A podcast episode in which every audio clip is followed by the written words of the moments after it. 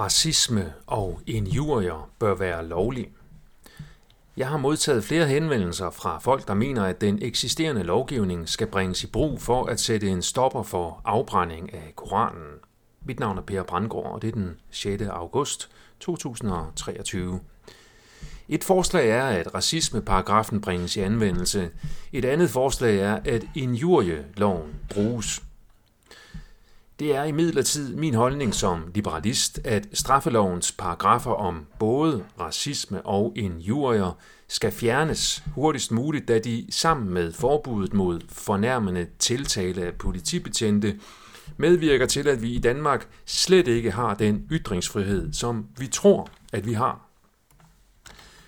Ytringsfrihed kan ikke gradbøjes, som den bliver i den gældende danske lovgivning, inklusiv grundloven. Lige så snart man gradbøjer ytringsfriheden, så fjerner man den. Konsekvensen er, at nogle borgere afstår fra ytringer af frygt for straf. Dette kan også omfatte ytringer af væsentlig betydning for, at samfundets udvikling følger menneskelige værdier som sandhed, frihed og plads til forskellighed.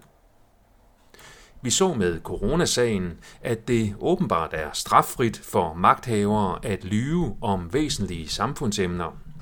Så længe det er tilladt at udøve magt baseret på løgnehistorier, så er det vigtigt, at folket har maksimal ytringsfrihed, så vi i det mindste kan bruge ordet som fredeligt svær mod bedragerne og undertrykkerne.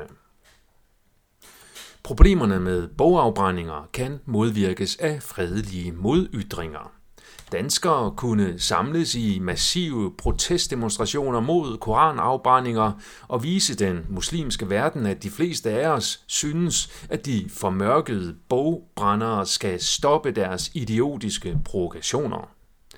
Men danskerne er for dogne og malige og venter hellere på, at moderstat kommer med en løsning, der altid omfatter, at endnu mere bliver forbudt, eller endnu mere koster flere penge til staten i skatter og afgifter. Begreberne racisme, injurier og fornærmende tiltale er i virkeligheden blot ældre varianter af MeToo-krænkelsestemaet. Problemet er, at en sandfærdig, væsentlig og konstruktiv udtalelse af andre kan blive opfattet som racistisk, injurierende eller fornærmende. Det kan en løgnagtig, uvæsentlig og skadelig udtalelse også, men hvis selve udtalelsen er forbudt, så bliver muligheden for sandhed også kvalt. Jeg har under coronabesættelsen adskillige gange opfordret andre frihedskæmpere til at afstå fra at sagsøge andre frihedskæmpere eller kritikere for injurier.